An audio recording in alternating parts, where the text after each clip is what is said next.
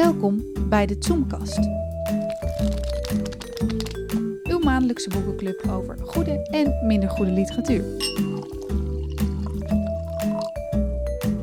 Hier is uw presentator, Willem Goedhart. Goeiedag allemaal en hartelijk welkom bij deze zeer bijzondere editie van de Zoomkast. Voor de luisteraar thuis is er niks anders dan anders, maar voor ons wel, want we bevinden ons namelijk in een heuse zaal met publiek. Publiek, laat jullie eens even horen. Hond- Honderden mensen zijn afgekomen om deze editie van de Zoomkast te luisteren. Ehm, en wij gaan eigenlijk niets anders doen dan anders. We gaan een eh, nieuwe Nederlandstalige roman bespreken. En dat doe ik met de vaste gasten Koen Peppelenbos, Bart Temme en Roos Kusters. Maar nu dus niet in jouw huiskamer, Roos. Zonder eh, katten. Nee, nee eh, zonder katten. Dat zijn wel mensen. Dat is ook leuk. ja. Is, eh, Amanda die heeft het hier eh, huiselijk gemaakt. Dus we kijken ook tegen wat cactussen aan. En een typemachine en wat opgezette vlinders. Dus Precies, we zitten allemaal keurig op anderhalve meter, dus eh, we zijn er helemaal klaar voor. Ehm, Ik hoorde dat ze bij de verkeerde plek stonden. hoe komt ja, dat, Willem? we zijn echt nog maar net op tijd. het Vrijdagtheater bij het Noorderplantsoen, Oh ja, daar bevinden we ons. oké, goed. Als jij het zegt. Goed. We gaan het vandaag hebben over de roman De Rat van Amsterdam van Pieter Waterdrinker, die wellicht ook meeluistert online op dit moment, eh, begreep ik. Nou, ik heb hem eh, stiekem, maar dat mag helemaal niet, eh, bij een inlogcode gegeven. Dus eh, Ah, Maar dit legt wel een heleboel druk nu op het gesprek, hè, direct. Dat de Ja. schrijver van het boek meeluistert, vind ik wel... meestal is het achteraf dat ze Ja. luisteren. En dan wel of niet reageren. Ja. Afhankelijk van het oordeel. En hij kan niet inbellen natuurlijk, hè? Jawel, Of kan hij ook inbellen? Want Dat, is, dat zou ook leuk zijn. hij kan in ieder geval een commentaar geven bij eh, de livestream. de chat. Oh, bij de livestream. Oh, wat leuk. Ik Ja. ben benieuwd of daar Nou, wat dat van weet je niet, Bart, of dat leuk Nee, is. weet ik ook niet. Maar het is wel sowieso leuk dat dat kan. Ehm, voordat wij het over de roman gaan hebben, beginnen we altijd even met de auteur, eh, Pieter Waterdrinker. Hij is naast de auteur ook journalist, eh, correspondent in Rusland. Eh, daar woont hij ook al 25 jaar en hij heeft al aardig wat eh, boeken geschreven de afgelopen 20 jaar. En dan is mijn eh, vaste vraag, eh, wat hebben jullie uit zijn oeuvre gelezen en wat vond je ervan? Eh, Volgens mij heeft Roos het meest gelezen. Van Denk de- ik ook, nee, nee, ik, ik, ben- niet bij zijn vroegste boeken eh, ingehaakt, maar pas bij Lenins Balsem. En daarna heb ik Poebel gelezen en daarna uiteraard, zoals iedereen denk ik, Tchaikovsky staat 40. En nu dit. En ik heb ook nog wel wat verhalen van hem gelezen. Ik heb één, eh het allereerste boek heb ik ooit gelezen. Maar dat is al, ook alweer heel lang geleden. Danslessen? Danslessen. Ja, die heb Om- ik ook gelezen. om- omdat het Ja. een, ehm, was meteen een, een, relletje veroorzaakte. Ik, ik gaf toen les in een soort relletjes eh, literatuur. En eh, met dansen was meteen een probleem, omdat daar een personage zei over de eh, burgemeester van Zandvoort. Ja, wat wil je anders met zo'n joodje aan het hoofd, geloof ik. Ik zeg het nu een beetje uit mijn hoofd hoor, maar... En dat vond de toenmalige burgemeester van Zandvoort niet zo eh, leuk, omdat hij daar eh, onder zijn eigen naam in voorkwam. En dat is een proces geweest en dat is nog, eh, er zijn volgens mij twee procesgangen geweest, ook nog in, in hoger beroep is er nog geweest. En uiteindelijk is hij wel vrijgesproken, maar heeft hij meteen twee jaar lang eh gezeur gekregen met zijn debuut. En eh, als je het boek bekijkt, dan denk je, ja, het gaat er eigenlijk helemaal nergens over. Die, die, die hele rel niet. Ehm, maar ik, ik denk, het is wel handig om te benoemen, omdat het in dit boek Klopt, ja. ook weer een beetje Ja, terugkomt. Hè? Dat antisemitische van Ja. Ja, maar de Zandvoort badplaats. ook. Ja, Zandvoort. En hij heeft het Zoomprijs gewonnen, hè? Ja, Bam. Ah, ja, Met, met eh Tchaikovsky-straat Ja, eh, ja. 40, ja. En nu gaat Koen nu uit zijn hoofd... eh, Die zin, die zin. Even de winnende zin eh, declameren. ik hoop dat... eh, ik hoop Misschien, dat, misschien, dat kan, jij- Piet- misschien kan Pieter Waterdrinker hem even doorgeven in de chat. Nee, maar dat was een prachtig boek. Dat is echt... eh, Heb je het nou echt over Tchaikovsky ja, staat? Of dat vond ik echt een Ja, schitterend ja. boek. Daar zaten ook wat autobiografische lijnen in. Ja, terecht eh, eh, goede kritieken toen gekregen. Het was ook een beetje zijn doorbraak volgens mij, eh, dat hij echt in de bestenlijst Nou, bij kwam. het grote publiek is dat, dat Ja. het boek. eh, Ja. Dus eh, dat vond ik wel terecht. Hij was in het begin een beetje een writer's writer, maar hij lijkt alsof hij steeds populairder wordt. En ook bij jury's Ja. steeds meer in de... Ik wilde er eh, één dingetje uit zijn eerdere oeuvre nog uitpakken. Dat is de literaire autobiografie De Correspondent uit 2014. Iemand die toevallig gelezen? Nee. Er staat namelijk een verhaal in, de orgelbouwer van Kazan, waarin eh, in die Russische stad Kazan ook een opstootje wordt veroorzaakt en eh, mee wordt genomen, gearresteerd, afgevoerd naar een kamp. En dat kennen we ook een beetje, zien we ook Mhm. terug in deze roman. Dus eh, nou, wat jullie noemden, eh, het hotel in Zandvoort al. Ehm, dus deze roman bouwt een beetje voort op zijn oeuvre, denk ik ook qua thematiek. Hè? Veel typische Peter Waterdrinker eh, thema's komen we hier ook weer tegen. Nou, nu komt het moeilijkste Ja. hè? Het punt waar we altijd rijkhalsend naar uitkijken met z'n vieren. Maar Het dat eh, Roos gelukkig altijd, dus dat scheelt. Dus dan kan ik altijd achterover hangen. Het is een kloek, eh, een kloek boek en enorm eh, veelomvattend.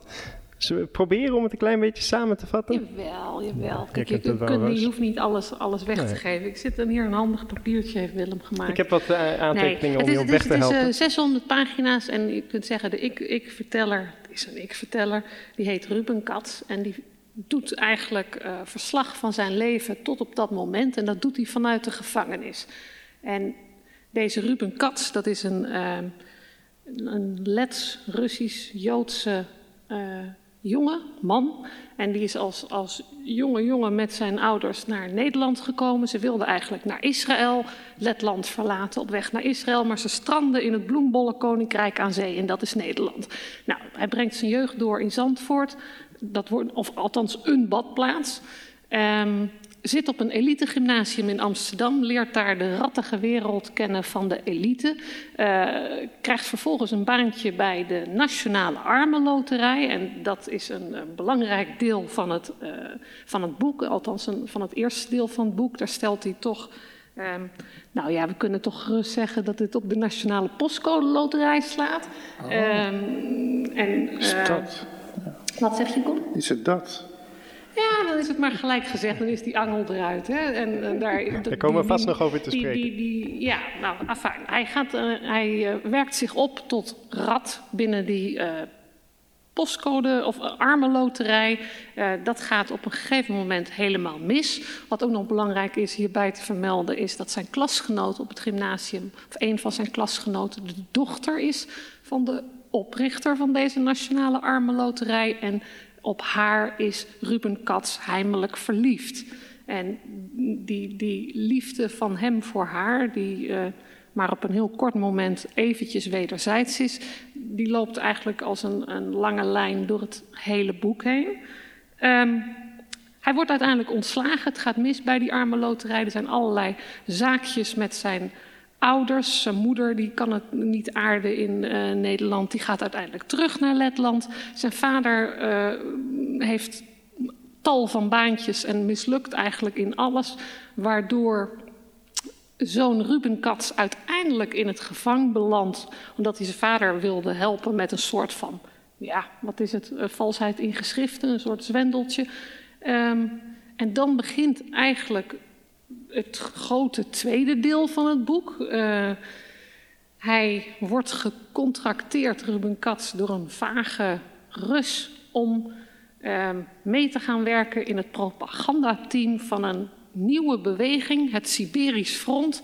En uh, die club heeft als doel zoveel mogelijk West-Europeanen naar Rusland te lokken, omdat daar nu eenmaal meer ja, ruimte is om te leven. De, de parallellen zijn wat. Uh, dit, clubje wordt dan weer geleid door een vaag figuur genaamd Ludwig Amour, in wie je misschien ook wel wat trekjes van ene Thierry Baudet zou kunnen herkennen. Um, het, het, is, het is, en dan in, het, in Siberië, de, ze gaan maken een, een, ja, een tour door Rusland, een Wolga-reis. En uh, er gebeurt van alles. Uh, en, het gaat uiteindelijk helemaal mis. En dat ga ik niet verklappen, want de clue van het boek. Uh, ja, zit, zit nog... het, dit, dit, dit, dit, is uh, 600 pagina's en ik laat nu nog een heleboel weg. Ja, precies. Uh, want, ja. Er zitten nog duizend verhaallijntjes bijna wel in, die, en karakters en noem alles maar op. Ja. Maar, maar het einde mag je wel verklappen, want daar begint het ook mee. Dus, tenminste, ik weet niet wat je wilde overslaan, maar... Het, uh, over de gevangenis bedoel je? Nee, over de dood van... Uh, de dood van zijn liefde? Oh ja. ja, dat wordt al heel snel oh, bekend. ja, ze gaat dus ja. uiteindelijk dood. Ja, maar je, dan, maar je, dan weet nog niet, uh, je weet nog niet hoe ze doodgaat. Ja, ah, nee, dat, komt, dat, dat komt pas op het ja, eind. Dat, dat weet je wel, en, klopt. Ja, nee. Dus het boek hoef je ook niet meer te lezen. Nee. Wat, wat waterdrinker eigenlijk doet, hè, hoe je het vertelt. Uh, je zei het al, Roos. Uh, hij zit helemaal in. de, de ik-persoon Ruben Katz. Hij uh, zit in de gevangenis. En hij is de hele tijd aan het uh, vooruitblikken, aan het terugblikken uh, op zijn leven. Heel fragmentarisch. Uh, ook op de zaken aan het vooruitlopen. En strooit allerlei ja, lijntjes uit en speelt daar ook mee. En zoals hij dan zegt van nou, mijn geliefde is omgekomen. Maar, en ik zit in de gevangenis, maar waarom? En nou ja, al die dingen komen al aan bod. Maar het is echt zo'n typische roman met puzzelstukjes die heel langzaam op zijn plaats vallen. Ja. Ja. Vonden jullie het goed gedaan qua, qua vertelling? Het is goed opgezet? Nou, hij heeft wel heel goed over de structuur nagedacht. Dat vond ik wel heel mooi om te zien. Het is een, uh, een heel plotgericht boek. Dus ik denk ook dat het voor het grote publiek een mooi boek is om gewoon, als je ook van spannende boeken houdt bijvoorbeeld, als je een thrillerlezer bent, dan denk ik dat je ook wel echt terecht kunt in dit boek. Zelf heb ik er nog wel een andere mening over. Daar gaan we denk ik straks ook over hebben. Ik vind het aardig veel en vol. En ik denk het eigenlijke verhaal uh, kan ook in 100 pagina's. Maar er zitten heel 100? veel zij. 100? Ja, 100 uh, kun je het wel vertellen. Maar je hebt vervolgens allemaal zijlijntjes, uitweidingen, uitvoerige beschrijvingen van bepaalde scènes. Dat is mijn, ik zie dat het een fantastisch boek is hoe hij dat op heeft gezet. En hij kan absoluut schrijven. En de structuur bevalt me ook heel erg. Dat je ook steeds wordt uitgedaagd om verder te lezen. Maar uh, mijn kritiek is wel af en toe wel. Ik denk, ja, dit gaat wel heel ver in zijn beschrijvingen en scènes. En ook scènes waarvan ik denk, nou ja, die kun je ook gerust weglaten. Dus dat, ja, eigenlijk kort gezegd heb ik een beetje een haat-liefde verhouding met dit boek. En dat vind ik ook heel erg interessant, want ik denk, ja, dan gebeurt er ook iets met mij als lezer. Dat vind ik altijd heel erg leuk. Het is niet dat ik denk, het is geweldig of het is bar slecht. Af en toe denk ik, het is een geweldig boek. Af en toe denk ik ook, eerlijk gezegd, het is, nou ja, bar slecht niet, maar wel slecht.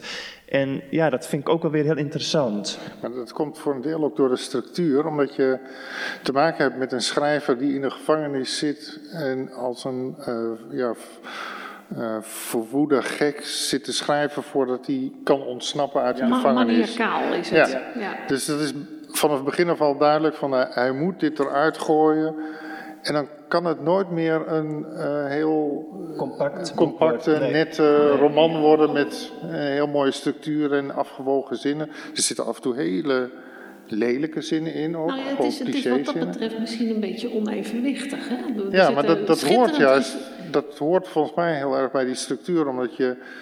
Nou ja, normaal schrijven mensen in de gevangenis als ze heel verwoed zitten te typen toch niet van dit, dit soort hele...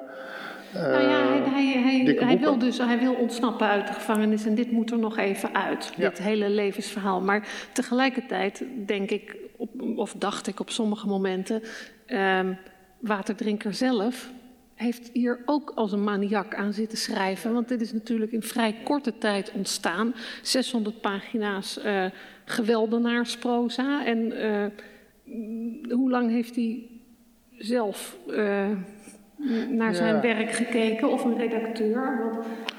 Ja, dat vind ik nooit zo. Ja, ik denk van ja, sommige mensen zitten drie jaar te pielen over, over één gedicht.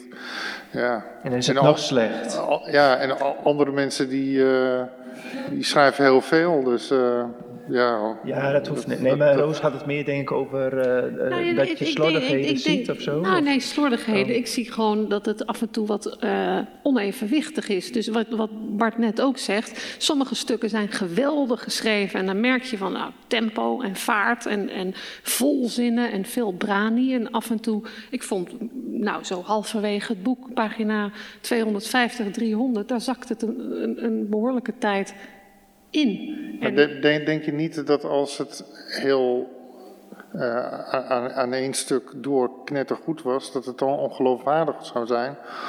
Juist door die structuur van een gevangene die als, als een verwoede zit te tikken. Dus uh, het feit dat, dat, die schrijver binnen het boek mm-hmm. zo, dit, dit zo zit te doen, maakt dat het op, op de een of andere manier onevenwichtig is.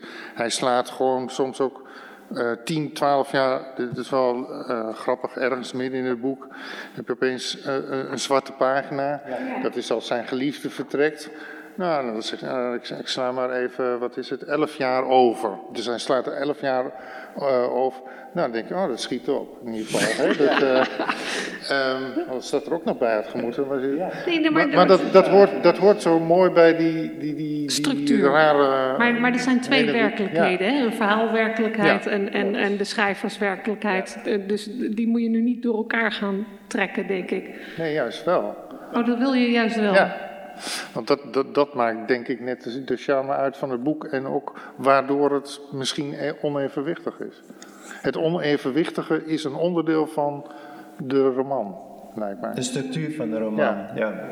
Maar als we dan op verhaalniveau ernaar kijken, zijn er gedeeltes waarvan jullie zeggen uh, die hadden weg kunnen blijven? En, en, vooral, wat is nou het sterkste gedeelte? Welke verhaallijn? Ja, wat mij betreft, dat hele laatste gedeelte, maar dat, dat is van mij persoonlijk over dat hele Siberische front. Dat kwam er nog even helemaal bij, weet je wel. Ik vond dat uh, dat, gedeelte... Maar dat zijn wel de laatste 200 pagina's Ja, dat klopt, zo, ja. Maar ik vond die armenloterij, dat vond, ik, dat, vond ja, dat vond ik een hele mooie inzet. En ik vind... Uh, ik denk dat het ook wel duidelijk wordt, hij heeft ontzettend hoog ingezet met dit boek.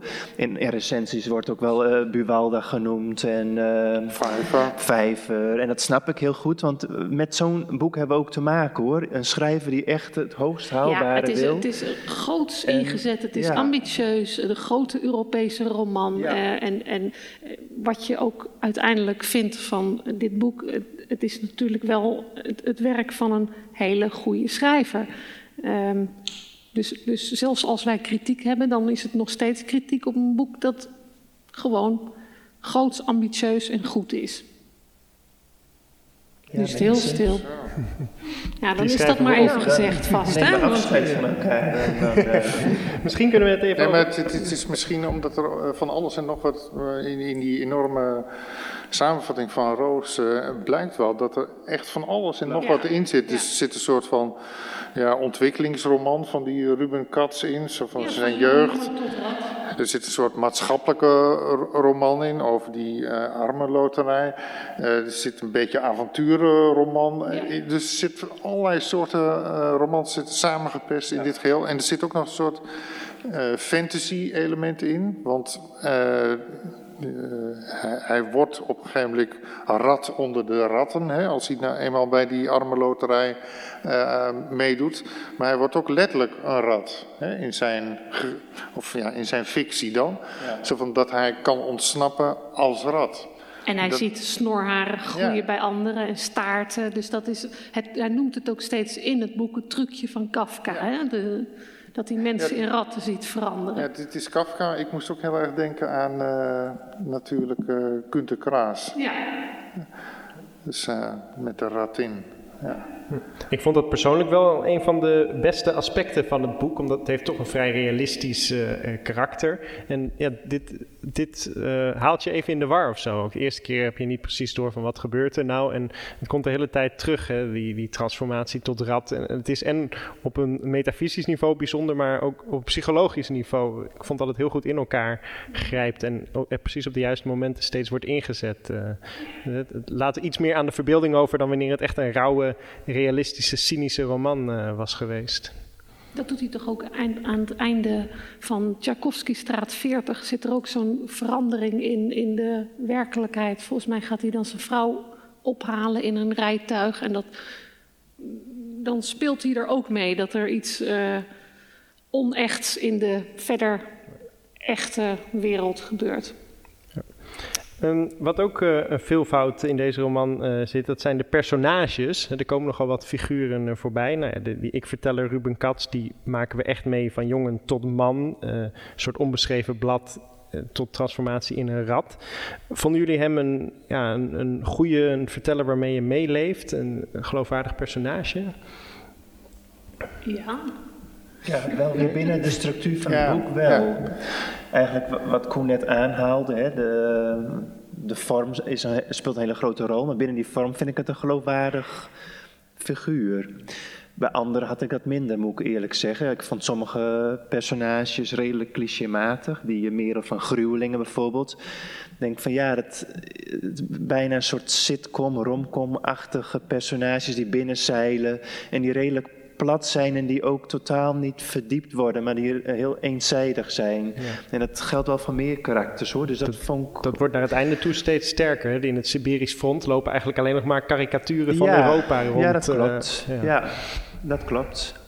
Ja, ik weet ook niet of dat meteen eh, heel slecht is, of dat het misschien ook weer binnen dit boek past hoor. Maar zelf had ik af en toe wel dat ik dacht van. Ja, dit vind ik te makkelijk of zoiets. Eh, dit is wel heel erg makkelijk. Dit karakter, je verwacht iets en het gebeurt ook. Eh, ja, dus dat. Ja, Misschien dat- ook weer vanwege het contrast. Hè. In het begin gaat het heel erg over het gezin. Dus ook Ja. eh, zijn vader, wat een heel complex, tegenstrijdig figuur is. Eh, de vader-zoon relatie die Ja. ja, mooi wordt uitgediept, problematisch is. De, de trieste moeder die daar dan zo buiten valt. Klopt, ja. Nou, dat, mooi, dat ja, vond ik mooi mooi. gedaan, mooi gespeeld, Het was vooral mijn kritiek zit in bij die armenloterij hoor. En ik denk dat dat ook wel een beetje, dat gedeelte is natuurlijk ook een karikatuur. Dus misschien past het dan ook wel weer heel goed in die verhaallijn hoor. Want het is natuurlijk ook, hij wil daar, hij wil eigenlijk eh, een beetje op de hak nemen en dat uitvergroten en dat soort dingen. Nou, en hij is natuurlijk Ehm. gewoon heel erg geëngageerd. Want het is gewoon een frontale aanval op deze eh, loterij. En Ja, op, op eh, hoe er mee omgesprongen wordt met mensen. En hoe mensen. Nou, Een verdienmodel, gewoon puur ja, verdienmodel. over ja. de zogenaamd goede doelen. En ja, het is kritiek, maatschappijkritiek. Smakelijk verpakt. Met herkenbare personages. Of niet, Koen? Nou, ik vond het, eh, nou ja, de, over die herkenbare personages, daar wil ik het zo nog wel over hebben. Maar die, ehm, ja, het is, het een soort maatschappijkritiek tegen die postcode loterij. Dat is gra- grappig, omdat een paar maanden voordat eh, die kritiek op die postcode loterij via de arme loterij binnen dit boek eh, kwam heel erg van figuren als eh, Thierry Baudet. Die, die heeft eh, in het begin van dit jaar heel erg zitten stoken. Want die postcode loterij dat was alleen maar voor linkse doelen. En dat ging alleen maar naar progressieve. Dus die riep mensen ook op om te stoppen met de postcode loterij. Nou, als, dat gebeurt eh, binnen dit boek is het een totaal andere kritiek, denk ik. Want de kritiek binnen dit boek is heel erg dat ze Ehm, ja, met een soort maskerade van eh, we doen het goede, eigenlijk aan het graaien zijn op de achtergrond. Dus naar buiten toe heel erg, eh, oh, oh, wat, wat fijn dat we toch al deze eh, mooie doelen als zeehondjes en walvissen en eh, nou, gehandicapten en weet ik wat. eh, Ja, bejaarden in bejaarden, in Rusland, dat we die allemaal kunnen helpen en eh, wat, wat, wat goed. Eh, terwijl aan de achterkant grof geld wordt verdiend. En dat, dat, dat is. En mensen worden, worden, er wordt ingespeeld op de angst van mensen dat ze eh, nou, die prijs niet winnen. En dus, omdat de buren dat wel kunnen winnen. Maar zo werkt het bij jullie nou, toch zo, ook? zo gaat het. Jij bent toch ook lid van de Postcode Loterij? Ik ben- Om ik die ben- reden? Ik ben ooit binnengevallen omdat. eh, toen toen kreeg je een gratis lot. En dacht, oh, leuk, gratis slot. Hè. Dat zat Jij bij- trapte daarin de koen. Zat zat in de nieuwjaarspakket van uitgeverij Kleine Uil. Oh, En eh, oh, fijn, een gratis slot. En toen kreeg ik meteen eh, eh, stroopwafels. Ja, ik net zeggen. Je krijgt altijd stroopwafels. Ik dacht, meteen? Ik dacht, nou leuk. Ja. Maar Oh, toen ja? bleek, bleek opeens dat ik eh, Elke eh, maand elke maand Maar jullie zijn dus allebei lid van Nee, de ik postcode niet. loterij. Ik ben nooit lid geweest. Ik ben er ook fel tegen, tegen de hele loterij. Ja, ik ik, vind ik ben, er- ben er ook op tegen, maar ik ben dus net, net zoals ieder ander denk van, oh, straks, eh, straks hebben mijn buren wel eh, 3 miljoen. En ik woon maar in een heel klein straatje, dus als daar een keer eh, de postcode loterijprijs op valt, dan ben ik meteen binnen. Ja. Ehm, Dat is de kracht, hè? dus, dus in, Je bent de enige hier ik ben aan de tafel, enige hier aan tafel. Nou ja, maar, Ja, moet Maar iemand dat, je ziet dat dat van- in het van boek, binnenuit- eh, die gedachte, die wordt heel erg gekoesterd en ook gemanipuleerd. Hè? Onder andere door die Ruben Katz, die echt campagnes Ja, die eh, heeft het verzint bedacht. om- Ja, om- dat, vind ik wel, ja. dat vond ik weer ontzettend geestig binnen het boek. Ja. Dat de hoofdpersoon is eigenlijk de bedenken van dat, Ja, ja. van dat verdienmodel eigenlijk ook. Hè? Het ideale. hè? Ja, ja. Ja. Maar de- het, het, het aardige is dat.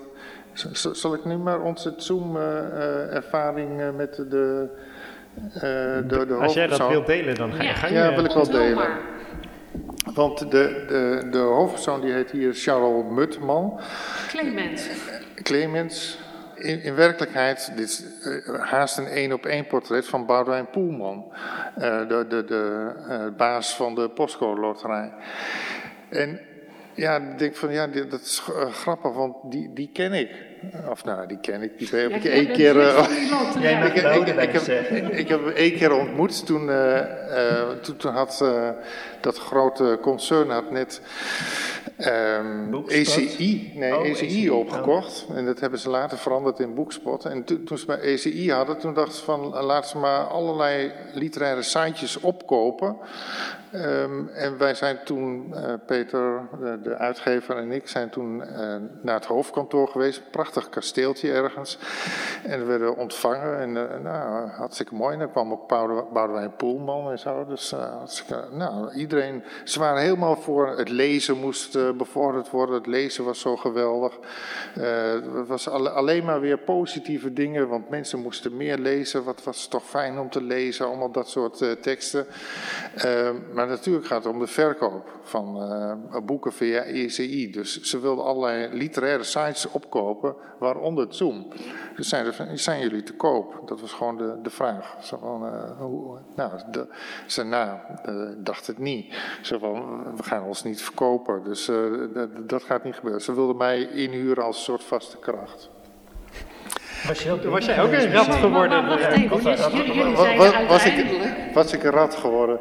Nee, maar... Uh, Wat Pietje? Dus zeg van, nee, nee dat, dat kan ook niet, want alle mensen die bij het Zoom meewerken, dat zie je hier ook, die doen dat helemaal voor niks of die uh, gratis. En, uh, dus het, ja, de, de copyright van alle stukken die blijft ook bij de mensen. Dus als Willem een stuk schrijft, dan blijft copyright uiteindelijk bij Willem. Als hij daar iets anders mee wil doen, nou, dat is zijn goed recht.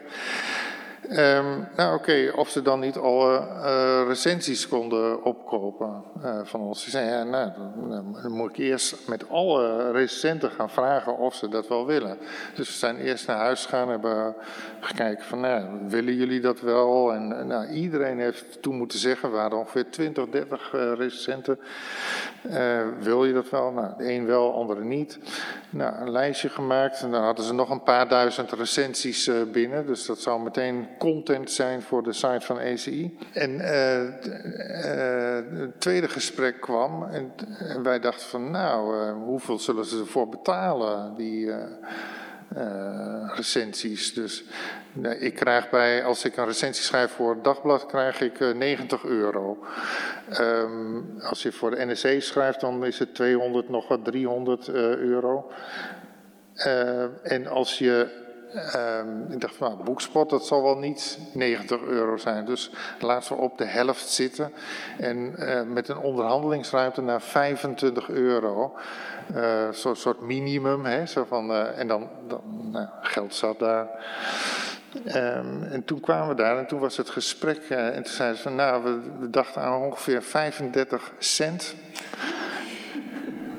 Publiek schrikt. Wat een ratten. Het horen, 35 het cent per recensie. En uh, toen ben ik maar even weggelopen met iemand anders om even de onderhandelingen niet uh, in de weg te zitten.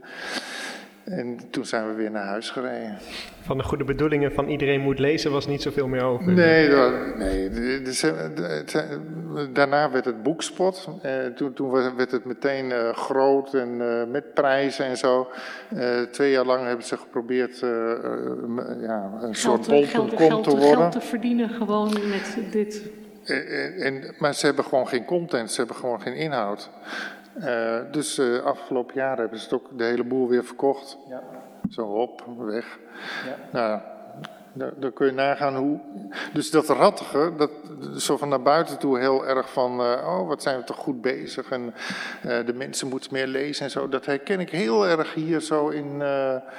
ja, mijn hele kleine ervaringje met, met deze organisatie. Ik denk van, oh ja, het gaat ze uiteindelijk gewoon om geld. Ja.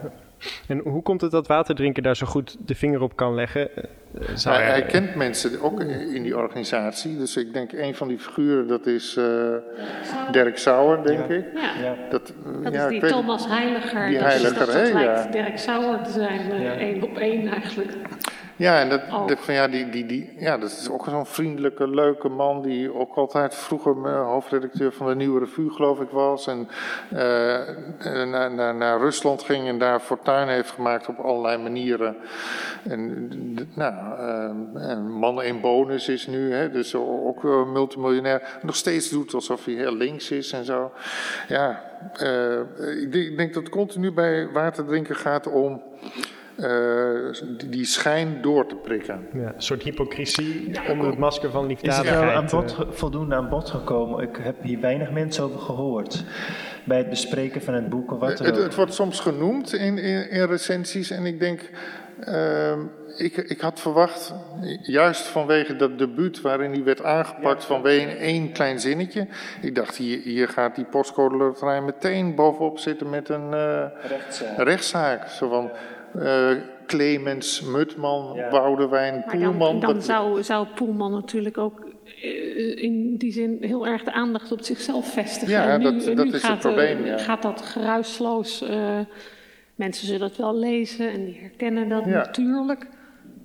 Maar Ja, dit is en dan, dan, de dan bevestig je ook dat er, eh, dat er dingen in staan eh, die je herkent. Toch? Dat zullen ze niet snel eh, En het is doen. natuurlijk wel zo, hij heeft er fictie van gemaakt. Hè? Dus, dus Ja, eh, is- op, op, op zich is dat. Ik moet ter verdediging van Poelman ook zeggen hoor, want, eh, want tijdens die onderhandelingen waar hij nog bij zat, zei hij. Ik zei van, ik wil als Zoom wel kritiek hebben op eh, eh, bijvoorbeeld jullie organisatie. Dus als wij de ECI, later Boekspot, eh, als we daar een slecht stuk over willen schrijven of kritiek willen geven, dan moet dat kunnen. Tuurlijk, zei hij. ja, Geen enkel probleem.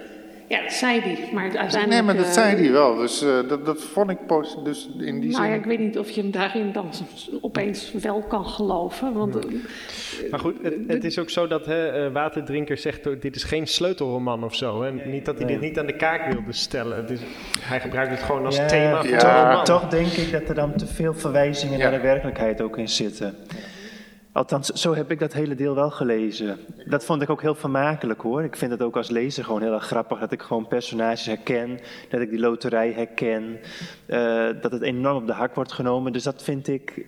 Ja, zo he- ik, ik heb dat gedeelte echt als wel als een soort sleutelroman of gedeelte gelezen. Ja. Ja. En, en de vraag is dan, heeft hij die andere dingen, hè, dat hele immigratieverhaal wat eraan vooraf gaat en eh, het Siberisch front wat erna komt, misschien gebruikt om het ook in te bedden? Dat het, als hij het los had gedaan, dan was er misschien veel kijk, meer daar dat de is, nadruk nou, Dat is dus eigenlijk waar ik het net ook over had. Ik dacht, er gebeurt wel heel veel. En ik kan niet, het is wel, eh, alles heeft heel erg met elkaar te maken. Als je het boek leest, dan is het vol toevalligheden. Die kent weer die en die is de dochter van die. En daardoor is, eh, zijn nou, al die verhaallijnen het ook, eigenlijk... ook één geheel. één hè? geheel. Dus, Maar dan denk ik als lezer wel eens van, jeetje, ik vind het wel heel veel. Dan komt het hele gedeelte van het front er nog achteraan, weet je wel. Met eh, nou ook nog 200 toch ook pagina's. echt wel met veel smaak. Ja, jij zei net, dat mag je Ja. eruit laten. Ik heb dat toch ook met veel plezier gelezen. Ja, ik Ja, dan, komt de, de En dan wereld... denk ik, dan lees ik dan liever een aparte roman wel over, waar hij dat gewoon wat beter ook uitdiept, zonder dat daar, er lopen ook weer tien mensen rond die ik helemaal niet leer kennen als lezer.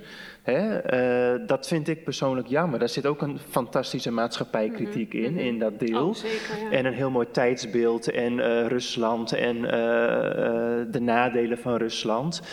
Ja, dat denk ik eigenlijk. eh, Soms denk je wel eens, hier zitten, hier zitten eigenlijk drie romans Ja, in één dat had ik in, ook in het wel, boek. En dan is het positiever dat je denkt, jeetje, een schrijver durft, want hij durft het aan. Hè? Er zijn genoeg schrijvers die durven niet eens zo'n boek te schrijven. hij heeft ongelooflijk veel lef. Ja, en, die kunnen dat denk ik ook niet. En hij komt wel dicht in de buurt van een heel goed boek. Maar heel goed vind ik het helaas niet. Doordat ik het toch weer dan te veel vind of ja, eh, niet, net niet goed uitgewerkt daarin. Maar ja, goed, het is eh, mijn persoonlijke meningje. ik weet niet, Nee, iemand... dat, dat, dat is een hele foute manier om te... Over dat laatste Mag gedeelte. ik ook mijn persoonlijke mening? Oh ja, als je hierop wil reageren. Hè? Ja, mijn persoonlijke mening is dat, eh, ik, ik vind dat ook, dus die, die, ik, ik denk dat er inderdaad ook drie romansen zitten, jeugd heel erg, Ja. tot aan de, eh, aan de armenloterij. Die armenloterij is één roman en dat laatste zou één roman kunnen zijn. Ja, en dat, dat zou bij een normale Nederlandse schrijver zou dat normaal uh, drie romans en ja, in tien jaar. In tien jaar en uh, ik weet niet hoeveel subsidie hebben opgeleverd. Ja, precies, ja. En, en, het grappige van waterdrinken vind ik juist dat hij zich daar geen moer van aantrekt en volgens mij subsidieloos Denk ik ook, ja. hij verdient zijn geld natuurlijk gewoon ook als Rusland-correspondent. Ja, maar ja, je kunt ook zeggen van ik ga op subsidie zitten en ik stop met uh, correspondentschap. Ja, ja, dat kan. Dat kan. Uh, maar, maar, dat doet hij niet. Uh, en, en, ja, wat Bart ook zei, maar dat vind ik juist een positief iets. Van ja, al die Nederlandse romans van ja, wat je uit de grachtengordel, iedereen heeft weer last van zijn likdoorn en daar schrijf ik 200 pagina's over. Ja, dat soort romans heb ik nu de afgelopen jaren wel heel veel gelezen. Hè. Van, van uh, nou, ik heb hier of daar last van. Uh, en weer een boek, en weer een boek. En dit, ja, hij durft van alles. Ja. Uh, en en waterdrinken durft grote thema's te nemen. Weet de hele wereldliteratuur bij te slepen. Af en toe denk je ook, oh, veel te veel en veel te heftig. Maar dat is ook maar dat fijn, doet hij wel. Hè, die rijkdom in zo'n boek. Dat is Ja. iets totaal anders dan dat navelstaarderige wat veel Nederlandse Ja. auteurs natuurlijk doen. Dat, dat- ik vind Ja. dat ja, het is een soort kruising tussen John Irving en Mhm. Leon de Winter en Pfeiffer, alles door elkaar heen en zo. En Van der Heijden. Ja, ik, ik ja? moest, nou ja, ik moest, dit is, het ligt natuurlijk voor de hand. Dit Oh, is die, geschreven, eh, ja, dat schervengericht. Dat Ja. is ook een soort verhaal Ja. waar ook mensen bij wordt getrokken en wat verteld wordt vanuit de gevangenis. En dat is Ja. ook altijd groots van opzet en, en alles erbij getrokken. En en- waterdrinker durft. En ja, en die- die- dat, dat, dat, dat, lef, dat vind ik wel mooi. nou, dat is bewonderenswaardig en ongelooflijk plezierig. Eh, Ja. en, en dat in vaardige handen, want Ja, schrijven kan die. Heeft iemand het gelezen uit het publiek eigenlijk? Niemand. Oh ja, want ik dacht, dan kunnen we een groepsgesprek beginnen. Zijn er mensen die het op basis van dit gesprek willen gaan lezen? Ja, dat is Oh ja, toch wel. Ja. Nou, is voor, Beetje. het is voor Pieter Waterdring ook wel leuk als hij meeluistert. Dat toch één iemand... We hebben één iemand overtuigd nu. Ja. Ja. Maar ja, het mooie van, van dat volle karakter is denk ik ook dat iedere lezer er iets anders uithaalt, toch? En jullie zeggen ook al van allemaal een eigen favoriete deel. Ehm, zo van, je kunt veel kanten mee op. En, en de Ja, andere kant van de medaille is dat, dat er dingen in staan die jou minder aanspreken. En het is, het is ook een succesvol boek. Hè. Staat nu al een paar weken gewoon in de bestsellerlijst. Vind ik ook weer heel bijzonder. Want ik zei net wel, het is toegankelijk en er zit een heel thriller element ook in. Maar je kunt het op heel veel niveaus lezen. Maar je ja. kunt, als je van stijl houdt, kun je het gaan lezen. Maar het is ook gewoon een spannend boek. Ja, maar het is Eh, ook een literair boek met eh, prachtige verwijzingen die denk ik ook niet iedereen eh, meteen 1, 2, 3 begrijpt. Want je moet wel een beetje ingelezen soms ook zijn Maar in als de je, als je die wereldliteratuur. verwijzingen nou mist, is er nog niks Dan aan is de er nog hand. niks aan de hand. Nee, dat dan klopt. is het eh, nog steeds met vaart geschreven, Ja, plezierig. Ehm, ja. Ja.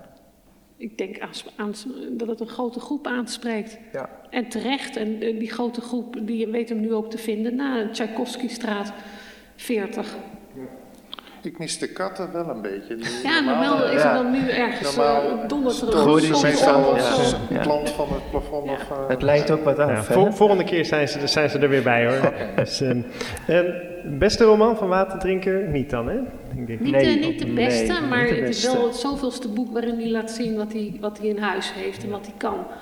Ehm, Wat vond jij er eigenlijk? Ik ja, Willem, Ik, ben- ik ben het heel erg met jullie eens. Eh, ik- heb je het wel uit, Willem? Ja, ik, ik heb het eh eh, gisteren, nee, donderdag heb ik het. eh, het was, ik vond het wel, eh, hè, het is natuurlijk eh, dik, maar je bent er wel even mee bezig. Maar het leest niet altijd even snel door, omdat, wat Bart ook al zei, steeds van die losse scènes. Dan denk je, ja, nou, nou weet ik het wel. En eh, sommige dingen uit het begin was ik aan het einde helemaal weer vergeten. Hè. Die jeugd in Zandvoort met dat schoolvriendje, dat komt dan aan het eind, refereert er even aan. dacht ik, oh ja, dat heb ik ook nog gelezen. Dus in dat opzicht merk je, eh, thematisch zit er wel heel veel samenhang in. En die lijn van die geliefde, die loopt mooi door en zo. Maar ook wel stukken dat ik dacht, leuk op het moment dat je ze leest, maar je bent ze een paar honderd pagina's verderop alweer vergeten.